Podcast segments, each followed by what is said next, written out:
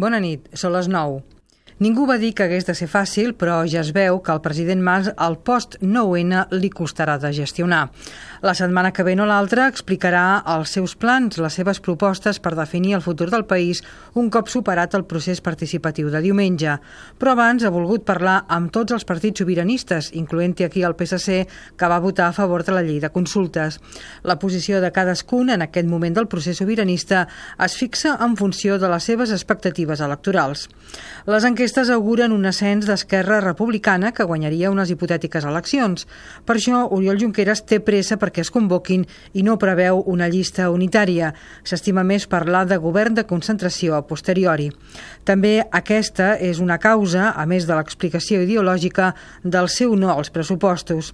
La paralització que comportaria prorrogar els d'aquest any suposaria una pressió més per la convocatòria immediata d'eleccions. Les enquestes també vaticinen una important pèrdua de vots per Convergència, raó que explicaria la poca pressa que té Mas per convocar immediatament les eleccions si no és amb una llista unitària. De país en diuen que dilueixi la derrota convergent.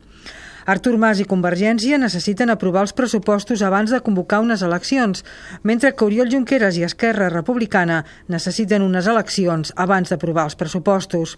En aquest duel de titans, els altres partits tenen un paper més testimonial. Només el PSC podria canviar les coses si accedeix a donar suport als pressupostos.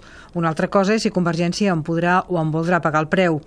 També es podrien aprovar aquests pressupostos amb una abstenció socialista en cas que també Esquerra Republicana s'abstingui tingués, cosa que ara mateix no sembla gaire probable. La llista unitària encara sembla una fita més difícil d'assolir.